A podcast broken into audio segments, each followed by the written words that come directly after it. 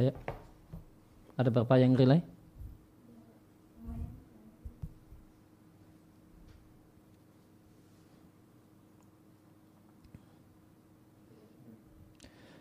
Alhamdulillah wassalatu wassalamu ala rasulillah wa ala alihi wa sahbihi wa man tabi'ahum bi ihsanin ila yaumidin amma ba'd kaum muslimin dan muslimah rahimani wa rahimakumullah mulai kesempatan siang hari ini kita akan uh, bahas uh, hukum seputar berdandan dengan membaca dan mentelaah judul uh, buku berjudul Ahkamu Zinati Lin Nisa'i. Ya, hukum-hukum dan ketentuan-ketentuan seputar zina bagi wanita. Ya, sebelum kita masuk lebih lanjut kajian ini, perlu didudukkan pengertian zina dalam masalah ini. Ya, uh, di antara bentuk zina adalah berdandan. Ya, sehingga judul fikih berdandan itu mengambil salah satu makna dari zina. Nah, zina sendiri kurang lebih maknanya adalah uh, zinatun nisa gitu. Zinah lin nisa itu maknanya hal-hal yang menarik pandangan laki-laki dari diri seorang perempuan. Sisi daya tarik seorang perempuan di mata lawan jenisnya. Nah itu zina. Dan zina itu ada dua macam. Yang pertama adalah zina tabi'iyah. Zina alami. Zina alami adalah ya, ya, tubuh wanita itu sendiri. Karena ya, tubuh wanita itu sendiri adalah daya tarik yang luar biasa bagi laki-laki yang normal. Ya, ya, maka zina itu adalah ya, bisa jadi betisnya, bisa jadi hastanya, bisa jadi lehernya, bisa jadi rambutnya yang indah dan seterusnya. Ini zina tabi'iyah. Kemudian yang kedua ada zina muktasabah. Zina yang diusahakan dan diupayakan, direkayasa dan dibuat. Maka zina muktasabah bentuknya yang yang pertama adalah uh, bersolek dan bermake up. Ya, pakai make up dengan berbagai macam bentuknya uh, untuk memerah uh, memberi warna merah untuk bibir, kemudian uh, uh, kemudian celak untuk mata, kemudian warna untuk pipi dan uh, lainnya. Ya, maka ini zina. Ini zina muktasabah, zina uh, yang dibuat dan diupayakan. Yang pertama adalah uh, make up. Ya. Berdandan dalam artian memakai make up, make up. uh, memakai kosmetik bersolek. Kemudian yang kedua, ya, pakaian yang menarik uh, pandangan, yang membuat seorang wanita itu menjadi uh, ya, tambah cantik dengan pakaian itu. Ya, maka pakaian yang warnanya ngejreng, warnanya mencolok pandangan, bukan warna teduh dan kalem, atau kemudian ada motif-motif yang uh, membuat menarik pandangan lawan jenis, uh, ini termasuk zina muktasabah. Kemudian yang ketiga di antara bentuk zina muktasabah adalah parfum wangian yang dipakai oleh seorang perempuan. Ya, itu termasuk zina muktasabah. Demikian juga uh, termasuk zina muktasabah adalah uh, perilaku tertentu dari perempuan, ya, sikap-sikap tertentu dari seorang wanita, misalnya uh, jalannya yang lenggak-lenggok, menarik perhatian lawan jenis, sikap-sikap manja. Nah ini zina, hal yang menjadi daya tarik perempuan yang itu muktasabah.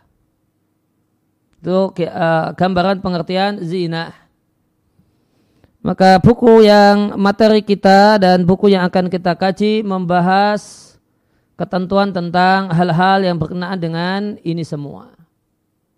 Dan satu hal yang patut untuk disadari dan dipahami oleh para muslimah bahasanya pembahasan tentang ahkamu zinah lin nisa eh, ketentuan eh, atau ketentuan-ketentuan tentang berdandan bagi wanita satu adalah satu ilmu agama yang hukumnya fardu ain. Fardu ain atas setiap muslimah faham hal ini.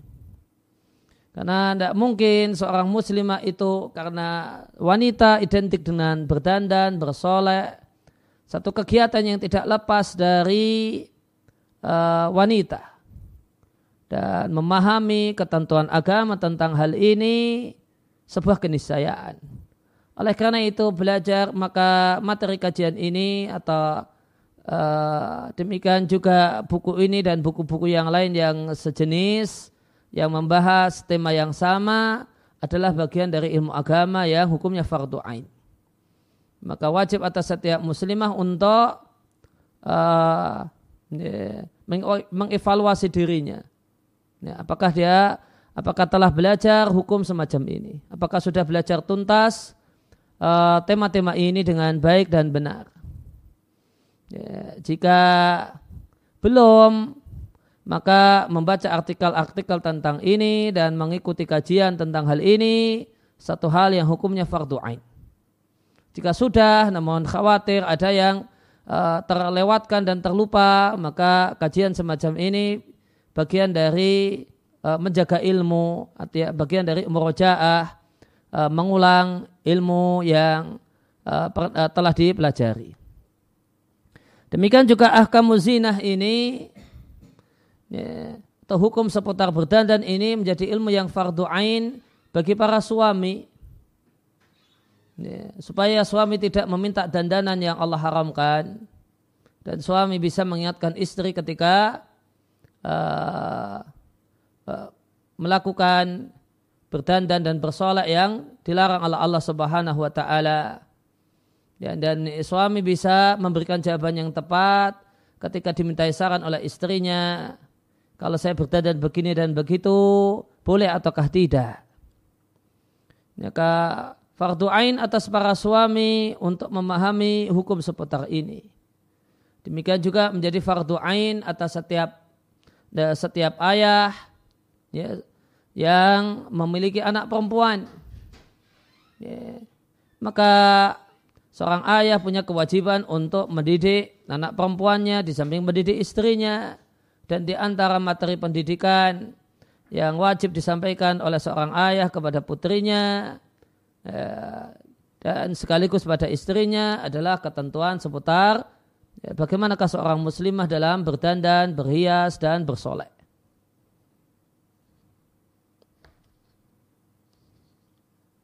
Sehingga bisa kita lihat di uh, di cover garis besar isi dari buku ini pembahasan apa yang akan dibahas.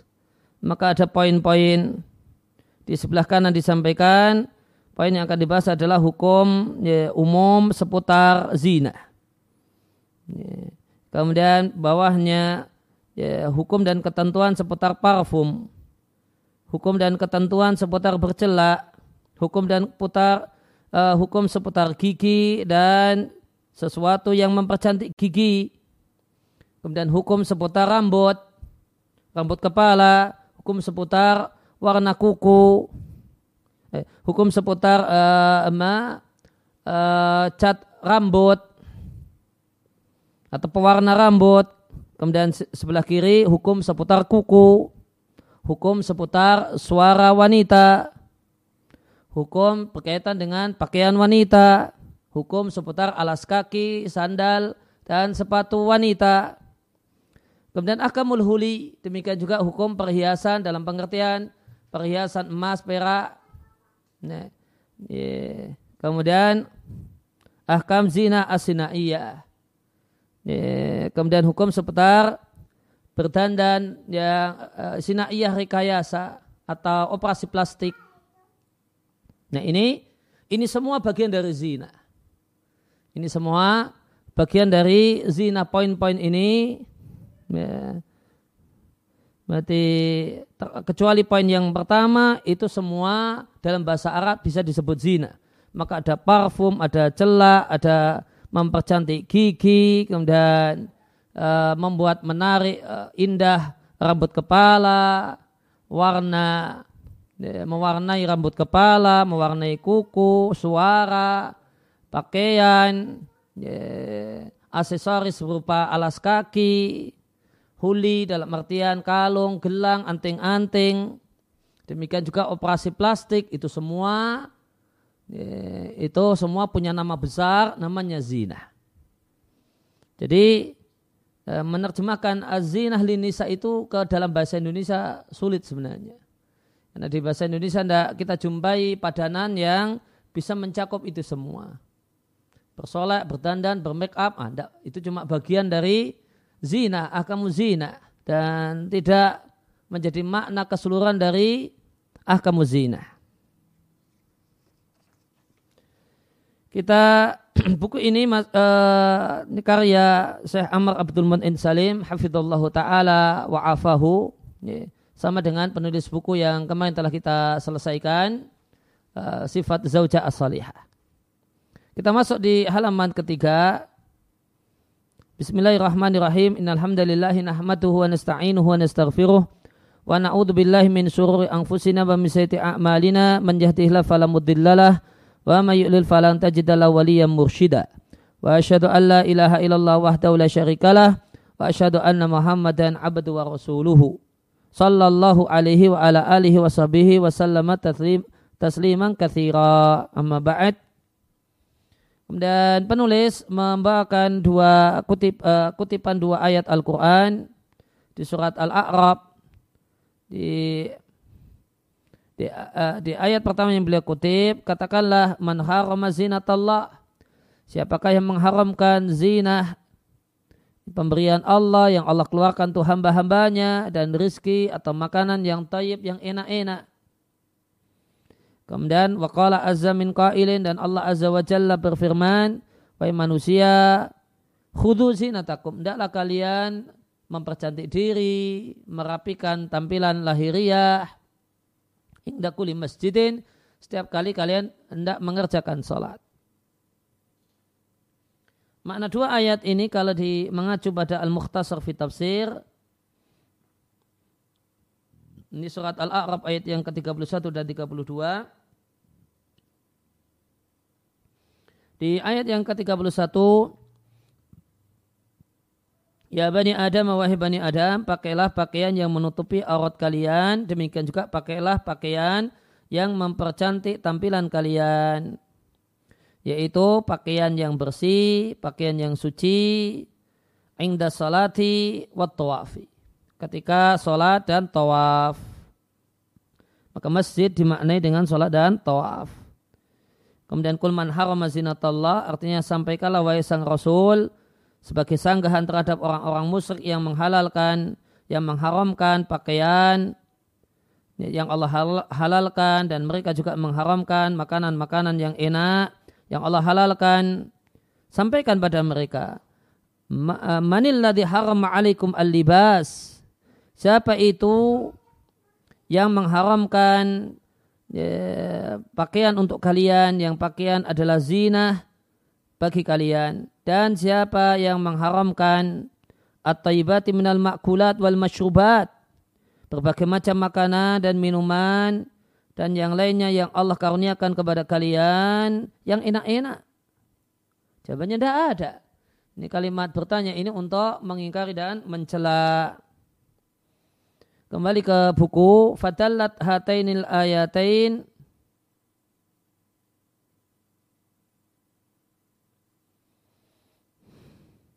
Ini, salah ya i'rabnya ya. Harusnya fadalat hatani al ayatani maka bukan ayatain namun ayatani. Maka dua ayat ini menunjukkan bolehnya itikhadu zina. Itikhadu zina itu terjemah e, nyamannya adalah memperbagus tampilan lahiriah. Ya, memperbagus tampilan lahiriah memakai pakaian yang bersih pakaian yang disetrika. Ya, ini satu hal yang Allah bolehkan bahkan Allah perintahkan untuk sholat. Ya, ketika sholat maka pakailah pakaian yang bersih, ya, pakaian yang rapi, Ya, kalau pakai sarung ya sarung yang bersih, rapi. Ya, bisa juga kalau itu laki-laki yang wangi. Kalau laki-laki di masjid yang uh, pakai sarung yang wangi, ya, tidak harus baru. Ya, namun sarung ya disetrika, jangan kata orang Jawa, jangan pakai uh, sarung yang ngepir, ya, karena lama tidak disetrika, maka bagian bawahnya uh, bergulung-gulung atau seperti dilipat atau terlipat. Nah, kemudian kata penulis dan tidaklah diragukan perempuan dan laki-laki itu sama dalam hukum ini. Bolehnya itikhadu zina, bolehnya memperbagus tampilan lahiriah. Maka laki-laki diperintahkan memperbagus tampilan lahiriah, perempuan juga cuma kesamaannya adalah dalam masalah jawazut tazayyun. Bolehnya memperbagus tampilan lahiriah Tentu detail rinciannya nanti berbeda antara laki-laki dengan perempuan. Ilal anal ikhtilaf bainahuma akan tetapi perbedaan antara laki-laki dan perempuan itu wakiun terdapat untuk ya, ya, ketentuan ya, materi dan alat media untuk mempercantik diri, memperbagus penampilan. Dan kita hidup di satu masa Inilah masa di mana loyo di masa ini tekad. Ya, orang itu tidak punya semangat untuk mencari dan mengetahui ma yajib alal mukallafi ma'rifatuhu. Ilmu-ilmu yang wajib diketahui oleh seorang mukallaf. Mukallaf itu ya, singkatan dari fukoha untuk balirun akilun. Orang yang memenuhi dua kriteria itu disebut mukallaf. Balir dan berakal. Balir bukan anak kecil, berakal bukan gila. Nah orang yang terpenuhi dua kriteria ini disebut oleh para ulama fikih dengan sebutan mukallaf. Ya, tidak semangat loyo untuk mempelajari berbagai macam ilmu syariat yang wajib diketahui oleh seorang mukallaf. Mimma huwa alaihi fardu ainin Padahal ilmu syariat, ilmu agama tersebut hukumnya fardu ain. Maka di zaman ini ya, menuntaskan di zaman ini menuntaskan belajar ilmu fardu ain saja banyak orang tidak semangat. Oleh karena itu maka menjadi kewajiban para guru ngaji, para ustadz, ya, ya, para kiai dan yang lainnya untuk ya, ya, senang dan gembira dan memiliki pandangan positif ketika kita jumpai orang-orang yang semangat belajar agama, ya, apalagi belajar agamanya secara terstruktur, secara teratur, dan di antara hal yang uh, bentuk struktur dan teratur dalam belajar agama adalah dengan menuntaskan ilmu yang fardu ain terlebih dahulu.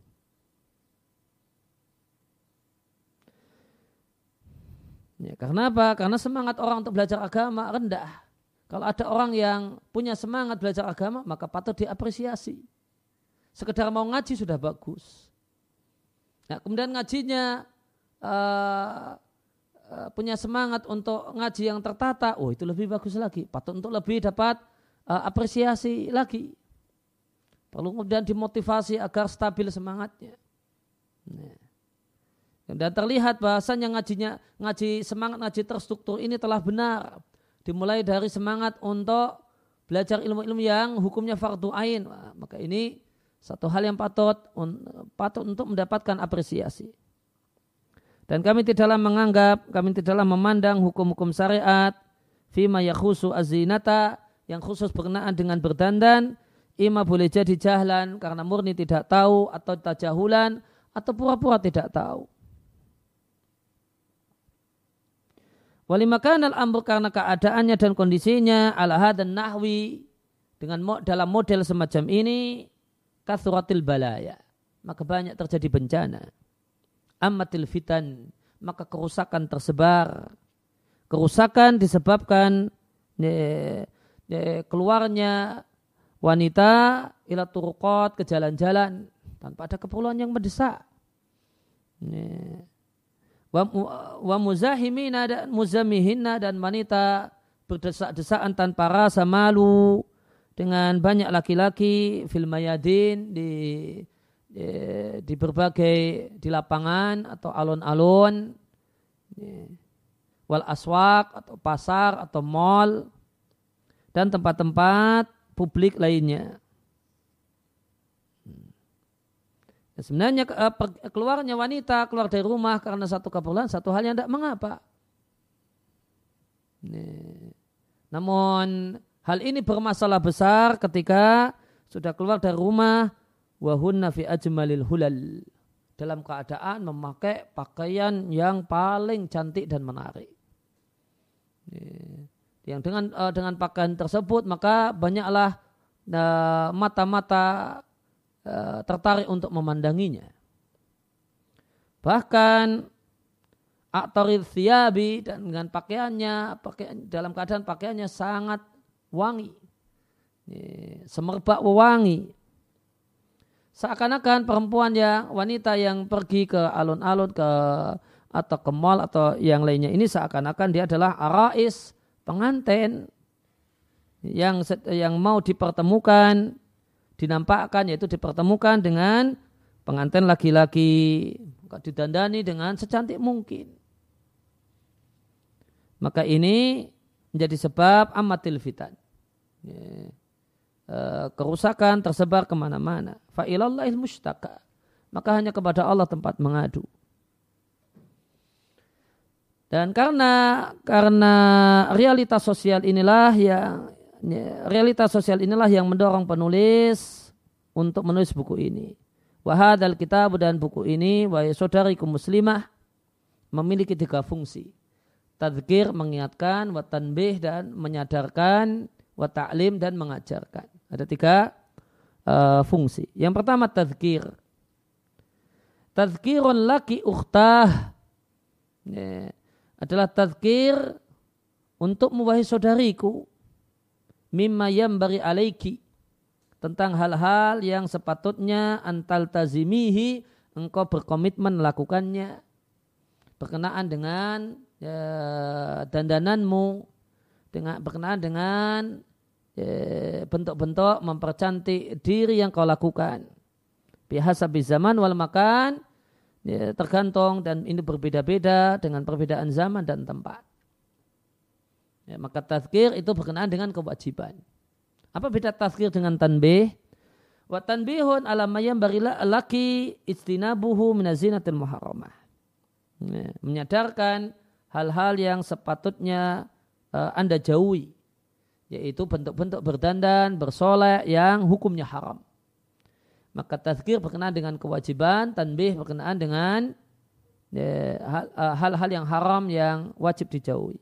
Kalau taklim, ya, kalau tazkir dan tanbih itu sebenarnya sesuatu yang sudah diketahui. Cuma ya, kurang perhatian. Maka agar perhatian untuk hal-hal yang wajib perlu tazkir. Kalau agar perhatian untuk hal-hal yang terlarang, nah, maka perlu tanbih.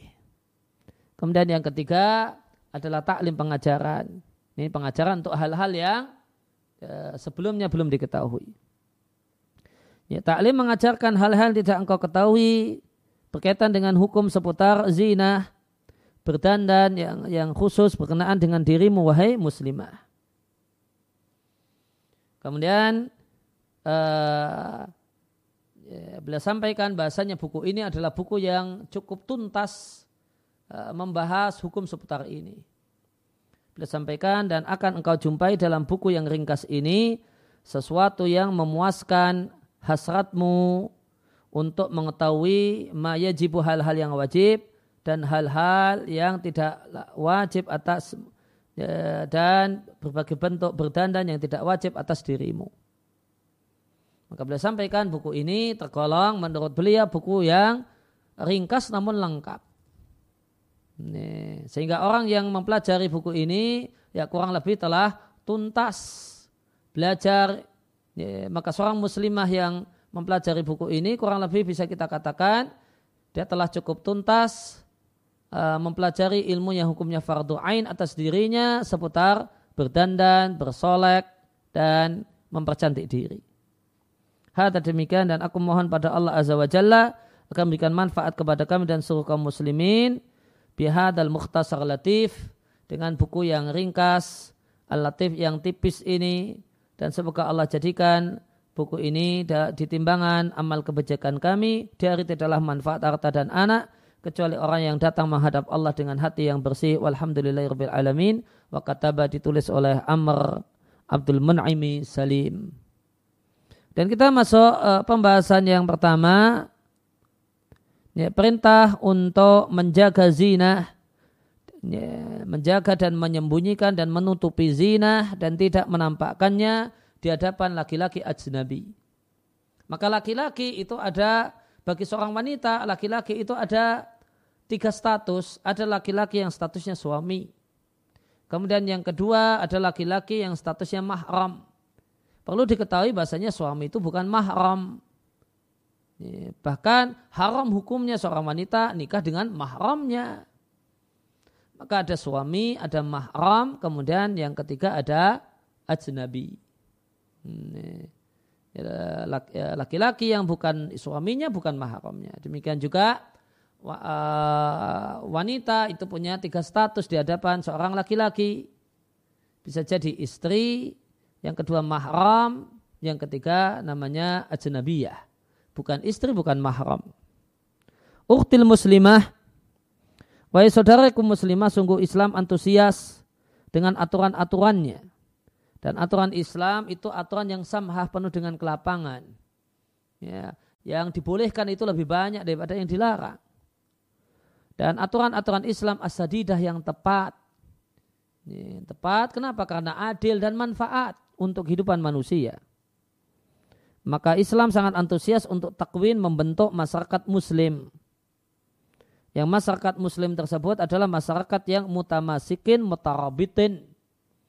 Ya. Saling menguatkan, mutarabitin saling terikat. Ya. Mungkin terjemah bebasnya dipenuhi dengan uh, solidaritas sosial yang tinggi. Ya. Maka idealnya masyarakat muslim, perkampungan kaum muslimin itu adalah masyarakat yang penuh dengan solidaritas sosial yang tinggi. Empati dan simpati yang tinggi antara satu anggota masyarakat dengan yang lainnya. Jika ini terwujud, maka masyarakat ini, perkampungan muslim ini didominasi, dikuasai oleh ketenangan dan keselamatan. Dan uh, keselamatan artinya aman. Ketenangan dan keamanan. Ya, jauh terjaga dari segala sesuatu yang membangkitkan alfitan, keributan dan kegaduhan sosial. Alatimin sa'niha yang sifat dari kegaduhan sosial ya, sifat dari kegaduhan sosial itu melemahkan bangunan masyarakat ini. Karena karena hal ini maka Islam perhatian bitasyri' dengan menetapkan ma sejumlah aturan Yunazim yang menata dan mengatur hubungan di antara dua jenis kelamin, laki-laki dan perempuan. Ya, maka dibuatlah sejumlah rambu-rambu yang rambu-rambu tersebut bima ya'udu bin nafi al-am memberikan manfaat yang luas bagi masyarakat. Lain halnya dengan kondisi jahiliyah di antara yaitu min ala ala bainahuma ada hubungan antara antara laki-laki dan perempuan yang tidak dibenarkan oleh syariat kita yang mulia ini. Nah, di antara aturan Islam tersebut, ini di antara aturan Islam untuk mengatur hubungan antara uh, jenis uh, laki-laki dan perempuan adalah Islam memerintahkan agar bihifdi zinatin nisa'i, menjaga, melindungi dan menutupi zinah bagi wanita dan tidak menampakkannya di depan laki-laki ajnabi. Ya, kenapa ada aturan global semacam ini yang nanti rinciannya akan ya, dibahas di buku ini dalam rangka mencegah ya, keburukan dan kejelekan syahwat, syahwat biologis.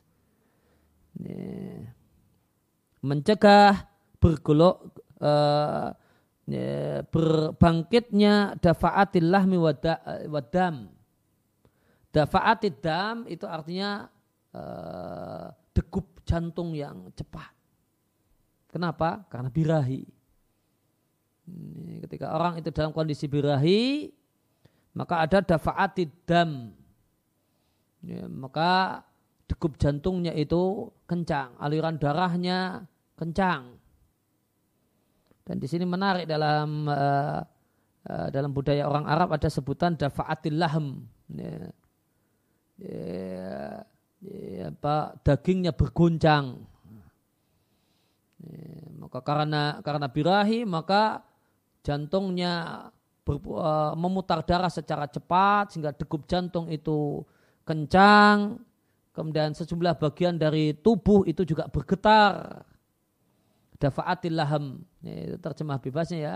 ya. Beberapa bagian dari tubuh itu bergetar karena birahi. Nah itu maka dibuat aturan ini dalam rangka mencegah terjadinya hal ini. Demikian juga di antara aturan tersebut ada aturan an-nadhar al-muharram.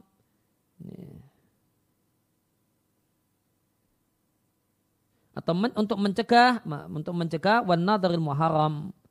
Mencegah pandangan yang haram pada lawan jenis.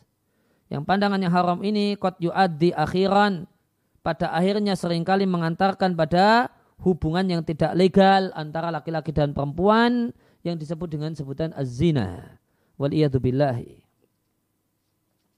Karena memandang lawan jenis itu adalah terminal pertama menuju zina kemaluan. Pandangan kepada lawan jenis lawan jenis itulah yang disebut dengan zina pandangan misdakan sebagai bukti benarnya sabda Nabi alaihi wassalam. Allah subhanahu wa ta'ala menetapkan bahasanya semua manusia itu hadhuh minaz zina. Itu memiliki saham dalam berbuat zina. Nah saham ini adrokadhalika. Setiap orang akan mendapatkannya. La muhalata tidak boleh tidak. Tidak ada yang bisa lepas darinya. Namun bukan berarti ini melegalkan hal ini tentunya. Karena disebut dengan zina. Namun ketika hal ini terjadi, maka ini mendorong orang untuk memperbaiki diri, untuk uh, untuk bertobat dan beristighfar. Kata-kata adrok kadali kalau muhalata ini bukan untuk melegalkan uh, zina-zina ini, bentuk-bentuk zina ini. Namun Ya, ini adalah sebuah realita, adalah adalah membaca realita dan sikap seorang muslim ketika membaca realita yang tidak benar ini adalah meresponnya dengan e, kembali kepada Allah, istighfar, bertobat, menyesal, memperbaiki diri, berbenah diri. Maka ada zina mata dalam bentuk memandang, zina lisan dalam bentuk ucapan yang sering kali bentuknya adalah guyonan yang jerempet-jerempet. Kemudian wanafsi zina hati adalah tamani watasyahi adalah tamani berangan-angan watastahi dan menginginkan. Dan zina hati ini sering kali terjadi ya, di antara sebabnya adalah karena jarak yang lama antara uh, lamaran, khidbah dan akad nikah. Oleh karena itu uh, berulang kali kami sampaikan ya, ya, sebisa mungkin persingkat jarak antara kenalan atau uh, khidbah dengan akad nikah. Karena memperlama hal ini adalah berdampak buruk yaitu zinatun nafsi. Zinanya hati berangan-angan dan menginginkan. Sedangkan kemaluan itulah yang membenarkan itu semua, membenarkan zina mata, zina hati, atau mendustakannya. Wawu di sini maknanya au. Ibnu Battal rahimallahu taala menyampaikan Allah uh, Nabi sebut pandangan dan ucapan itu dengan sebutan zina. Kenapa? Padahal itu bukan zina. Kenapa disebut zina? Karena itu mendorong pada zina hakiki, yaitu zina kemaluan. Oleh karena itu Nabi katakan, kemaluanlah yang membenarkan zina pandangan dan zina lisan ataukah mendustakannya.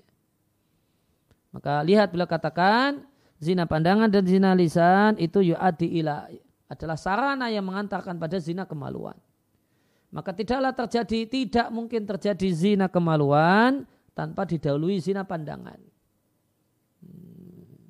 Zina pandangan.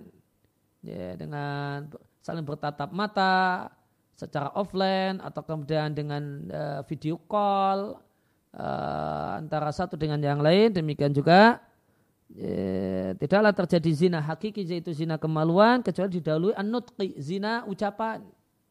Ya, bentuknya rayuan ya, dari laki-laki kemudian respon dari perempuan atau sebaliknya rayuan dari perempuan dan respon dari laki-laki. Walidhalika oleh karena itu terdapat dalam Al-Quran dan Sunnah Nabi yang mulia ma dalil-dalil yang menunjukkan wajibnya ya, jadi kewajiban wanita untuk menjaga dan menutupi zinahnya dan tidak menampakkannya di depan ajnabi dan tidaklah kami uh, maksudkan dengan zina di sini ini, ada waktu tajamul alat uh, apa, alat kosmetik. Ini, maka ini yang dimaksud zina dalam buku ini itu bukan hanya alat kosmetik yang dipakai oleh sebagian perempuan minal masahik berupa bedak atau akrotin atau anting-anting atau khola kholakhil ya, gelang kaki dan yang lainnya. Namun yang kami maksudkan dengan zina adalah sebagai berikut. Ini definisi zina dalam bahasa para ulama. Uh, uh, definisi zinatul mar'ah atau zinatul nisa dalam bahasa para ulama fikih. Ya, karena ketika kita mau mendalami satu tema, kita harus paham istilah uh, tema tersebut supaya ya, satu frekuensi sehingga tidak ada salah paham, tidak ada miss. Maka definisi zinatul mar'at atau zinatul nisa dalam bahasa para ulama kita adalah kullu ma yuzayyinu al mar'atu atau yuzayyinul mar'ata semua yang membuat indah, menarik, membuat cantik seorang perempuan. Baik itu adalah uh, hal yang membuat menarik perempuan tersebut adalah khalqian, sesuatu yang bersifat fisik dari si perempuan, yaitu badannya yaitu yaitu tubuhnya atau sinaian atau itu dibuat dan direkayasa. Boleh jadi tadi kita sampaikan boleh jadi uh, bentuknya adalah uh, make up boleh jadi bentuknya adalah pakaian yang uh, yang menarik boleh jadi bentuknya adalah parfum boleh jadi bentuknya adalah huli. Huli itu uh, perhiasan emas atau perak atau yang sejenis dengan hal itu Atau uh, atau kemudian sikap-sikap yang menarik perhatian laki-laki, jalan lenggak-lenggok, suara yang manja-manja atau sikap yang manja-manja uh, atau uh, ucapan yang mendesah-desah atau yang lainnya. Maka Allah Subhanahu wa taala telah berfirman dan di kita fi kitabil aziz Wala tabarujnya tabarujal jahilatil ula. Janganlah bertabaruj ya, dengan, dengan tabaruj ala jahiliyah terdahulu. Ya.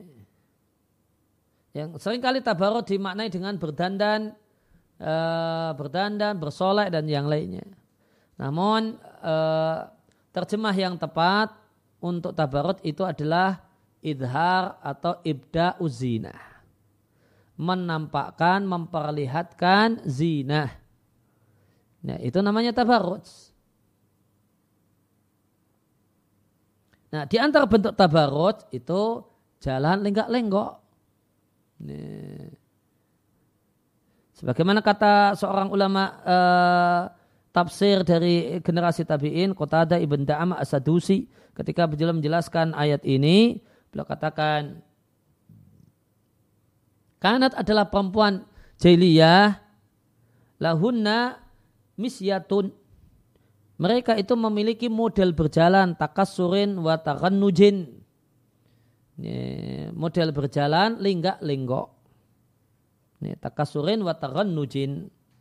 Maka Allah subhanahu wa ta'ala larang hal ini. Ya, maka kata Qatadah termasuk tabaruj adalah jalan linggak-linggok. Ya.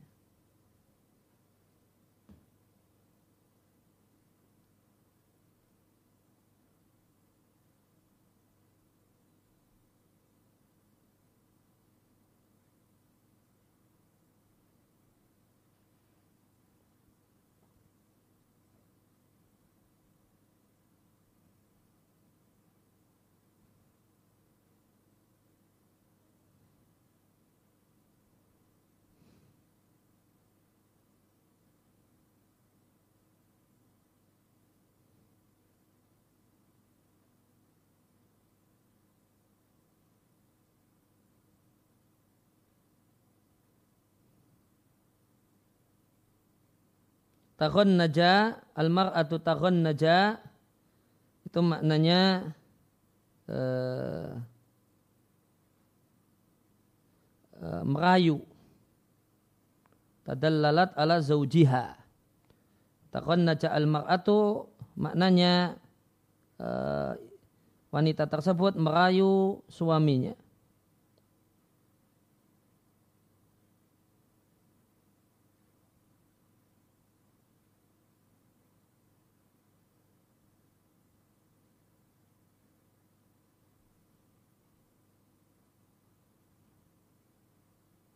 Ya, maka uh, model berjalan yang uh, nujin ya.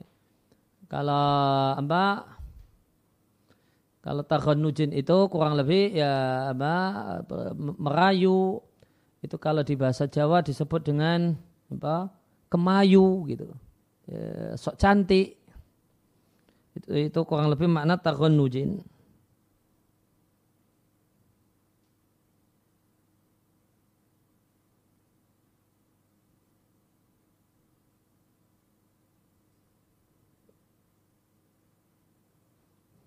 Ya, kemudian untuk berjalan takasurin ya tafakukin wa talawin ya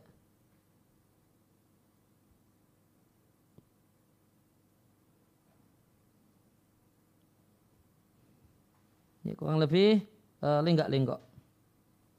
Talawin, ta, tafakukin.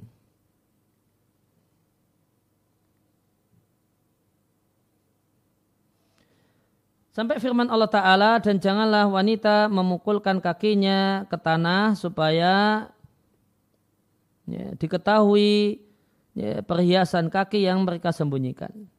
Kata Al-Hafidh Imaduddin Ibnu Kathir Asy-Syafi'i rahimahullah ta'ala maknanya janganlah wanita menampakkan sedikit pun dari zinahnya kepada ya, lil ajani pada laki-laki asing, laki-laki yang bukan suami, bukan mahramnya, kecuali yang tidak mungkin untuk disembunyikan. Waqal Ibnu Katsir mengatakan, wala yadribna bi arjulihinna al ayata kanatil mar'atu fil jahiliyah adalah wanita di masa jahiliyah. Jika berjalan di fitarik di fitarik di satu jalan dan di kakinya terdapat khal-khal terdapat gelang kaki yang tidak bersuara yang layu lamu sautuhu tidak diketahui suaranya maka wanita ini kemudian uh, memukulkan kakinya ke ke tanah tempat uh, tanah yang dia lalui. Maka laki-laki pun mendengar gemerincing suara gelang kakinya.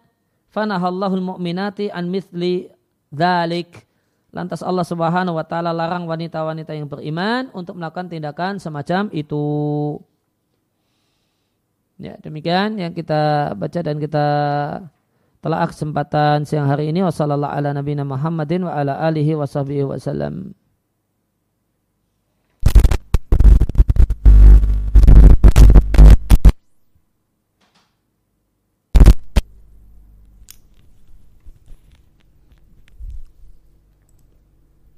Uh, baik saat uh, eh, sudah ada beberapa pertanyaan yang ya cukup banyak pertanyaan kali ini Zat.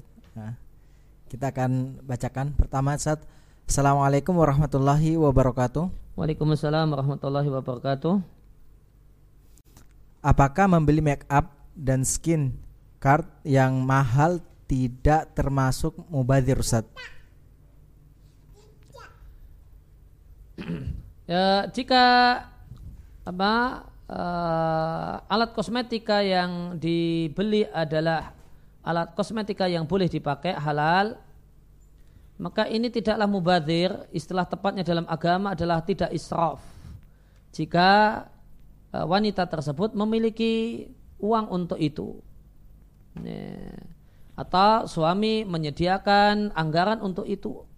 Dan penghasilan suami cukup. Ya, karena israf yaitu membeli sesuatu yang mubah secara berlebihan itu tidak punya tolak ukur baku. Tolak ukurnya adalah kantongnya masing-masing. Kalau orang itu punya penghasilan yang banyak, ya, misalnya per hari itu pemasukannya si suami, kemudian per hari pemasukannya itu 10 juta per hari misalnya. kemudian dia anggarkan untuk istrinya uh, biaya untuk make, uh, bermake up dan mempercantik diri misalnya 50 juta per bulan. Apakah ini israf? Jawabannya bukan. Penghasilan suaminya itu 10 juta per hari. 50 juta ini uh, dia berikan pada istrinya. Ini silakan untuk make up dan teman-temannya mempercantik diri, memperbagus body dengan cara-cara yang mubah. Nah, silakan ini 50 juta. Maka apakah ini israf? Berlebihan dalam hal yang mubah? Jawabannya bukan. Jadi tidak ada tolak ukur baku nah, untuk uh, untuk hal ini kecuali ukuran kantongnya masing-masing. Namun kalau biaya uh, make up itu 50 juta padahal peng, uh, dalam sebulan padahal penghasilan suami uh, itu cuma 100 juta per bulan artinya setengah penghasilannya cuma untuk itu ya, maka ini bentuk israf ya, dari yang dilakukan oleh si suami. Nah, jadi apakah ini israf ataukah tidak? Maka melihat penghasilannya berapa dan pengeluaran untuk itu berapa. Nah. Baik, saat uh, eh, pertanyaan berikutnya saat apakah mau kena perempuan sebaiknya berwarna putih Ustaz? Ya, uh, mukena perempuan ini perlu dirinci dipakai di dalam rumah atau dipakai juga ketika safar, ketika pergi ke kantor dan yang lainnya. Ini. Kalau dipakai ke ya, kalau dipakai di rumah maka longgar. Ini cuma dilihat oleh suaminya atau mahramnya yaitu anak laki-lakinya atau ayahnya atau kakaknya.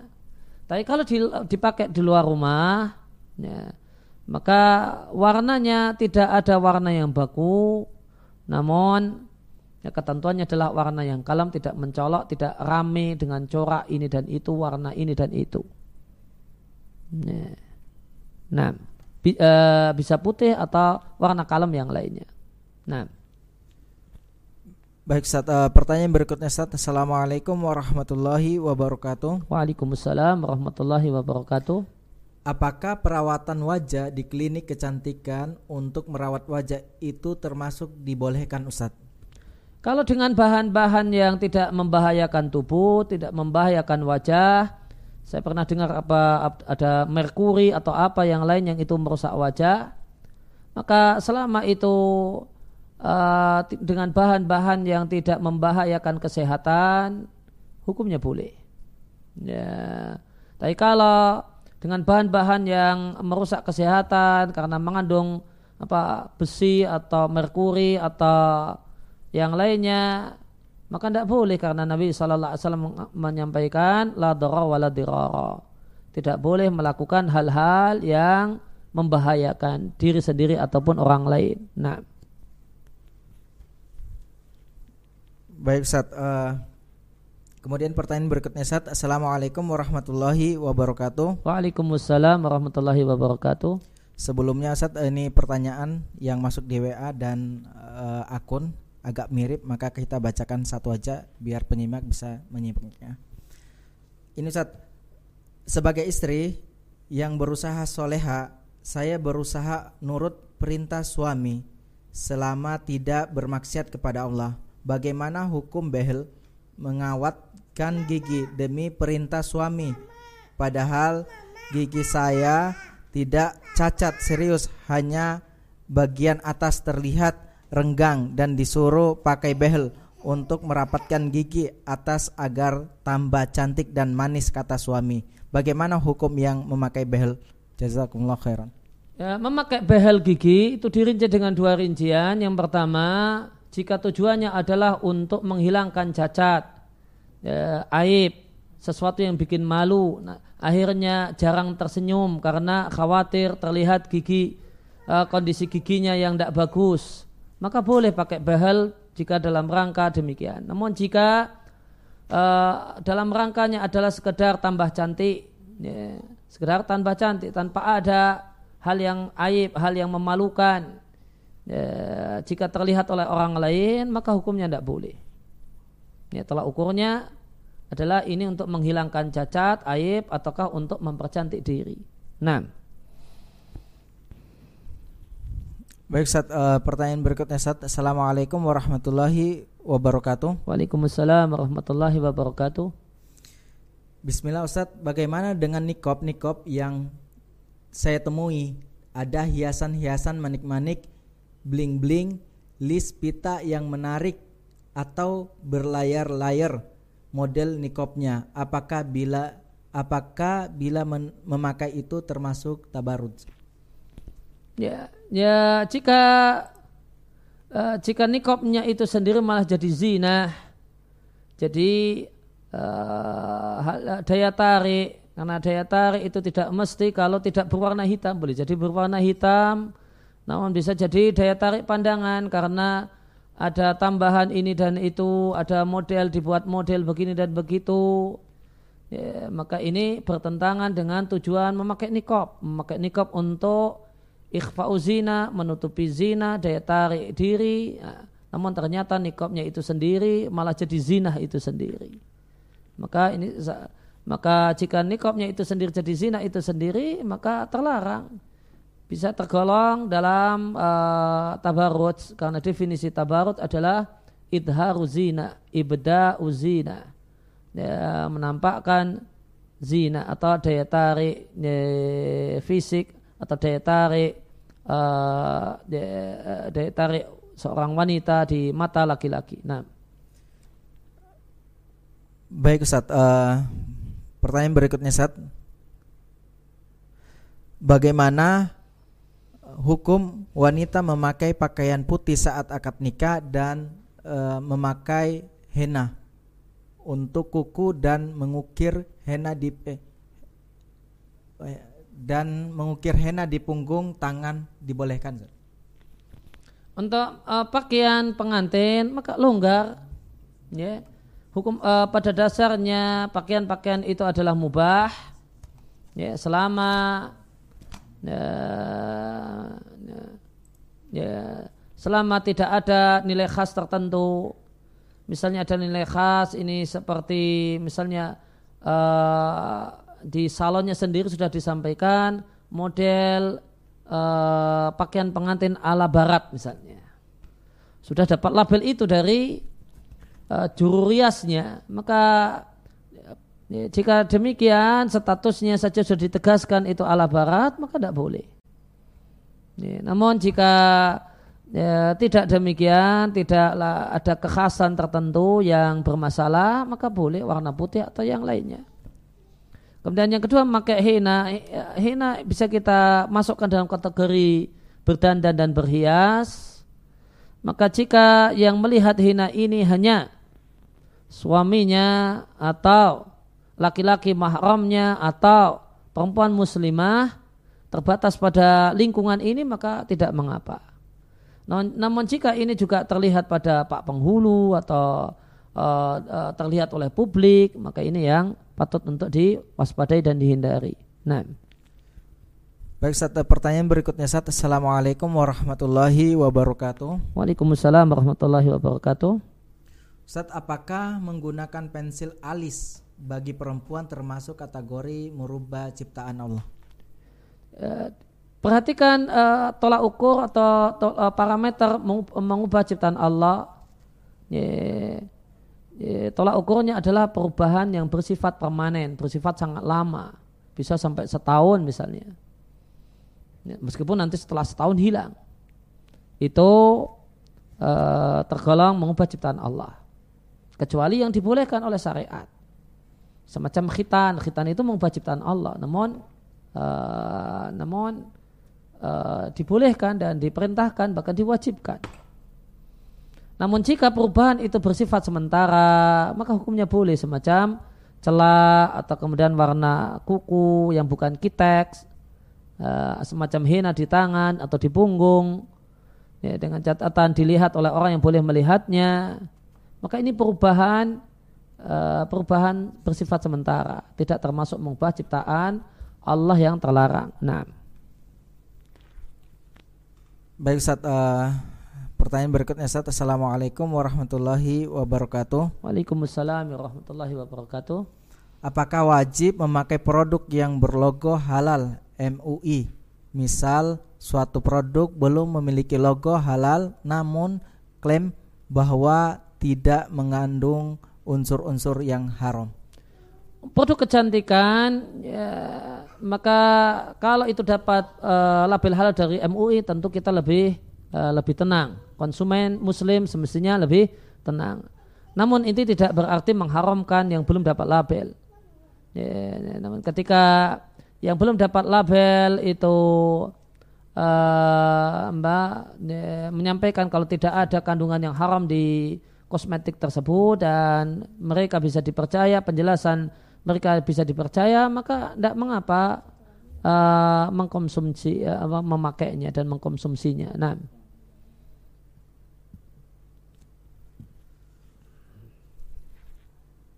Kemudian yang berikutnya Assalamualaikum warahmatullahi wabarakatuh Waalaikumsalam warahmatullahi wabarakatuh Saya sering menemukan orang yang berdalil untuk boleh mengupload foto wanita atau berselfie ria dengan dalil dari uh, Fat bin Abbas yang memandangi. Uh, Dalil eh, katanya ada dalil selfie ya, Fahad bin Al Abbas atau ya, Fadl ibn Abbas yang memandang uh, pipi seorang perempuan. Namun ya, namun perhatikan kelanjutannya hadis. Ketika Nabi tahu kalau Fadl itu memandangi pipi seorang perempuan, Nabi tolehkan wajah Fadl untuk tidak memandangi uh, tidak memandang ke arah uh, pipi wanita tersebut. Yeah. Maka ya, Nabi Shallallahu Alaihi Wasallam memerintahkan Fadl dengan dengan tindakannya untuk tidak memandangnya. Maka dalam rangka untuk melaksanakan perintah Nabi Shallallahu Alaihi Wasallam ini, maka muncullah aturan ya perempuan tidak boleh selfie. Ya, karena dengan selfie dia menyediakan bahan bagi laki-laki untuk memandanginya. Padahal laki-laki diperintahkan untuk menolehkan pandangan darinya sebagaimana yang Nabi lakukan terhadap Fadl ibn al-Abbas maka kisah Fadl ibn al-Abbas itu jadi dalil untuk uh, kalau dipakai dipahami secara utuh dibaca secara lengkap dalil untuk melarang hal ini bukan melegalkan dan membolehkannya. Nah. Baik Sat, pertanyaan berikutnya Sat. Assalamualaikum warahmatullahi wabarakatuh. Waalaikumsalam warahmatullahi wabarakatuh. Apakah memakai bedak tipis bagi perempuan agar wajah tidak berminyak dan lipstik saat kerja di luar terlarang Ustaz?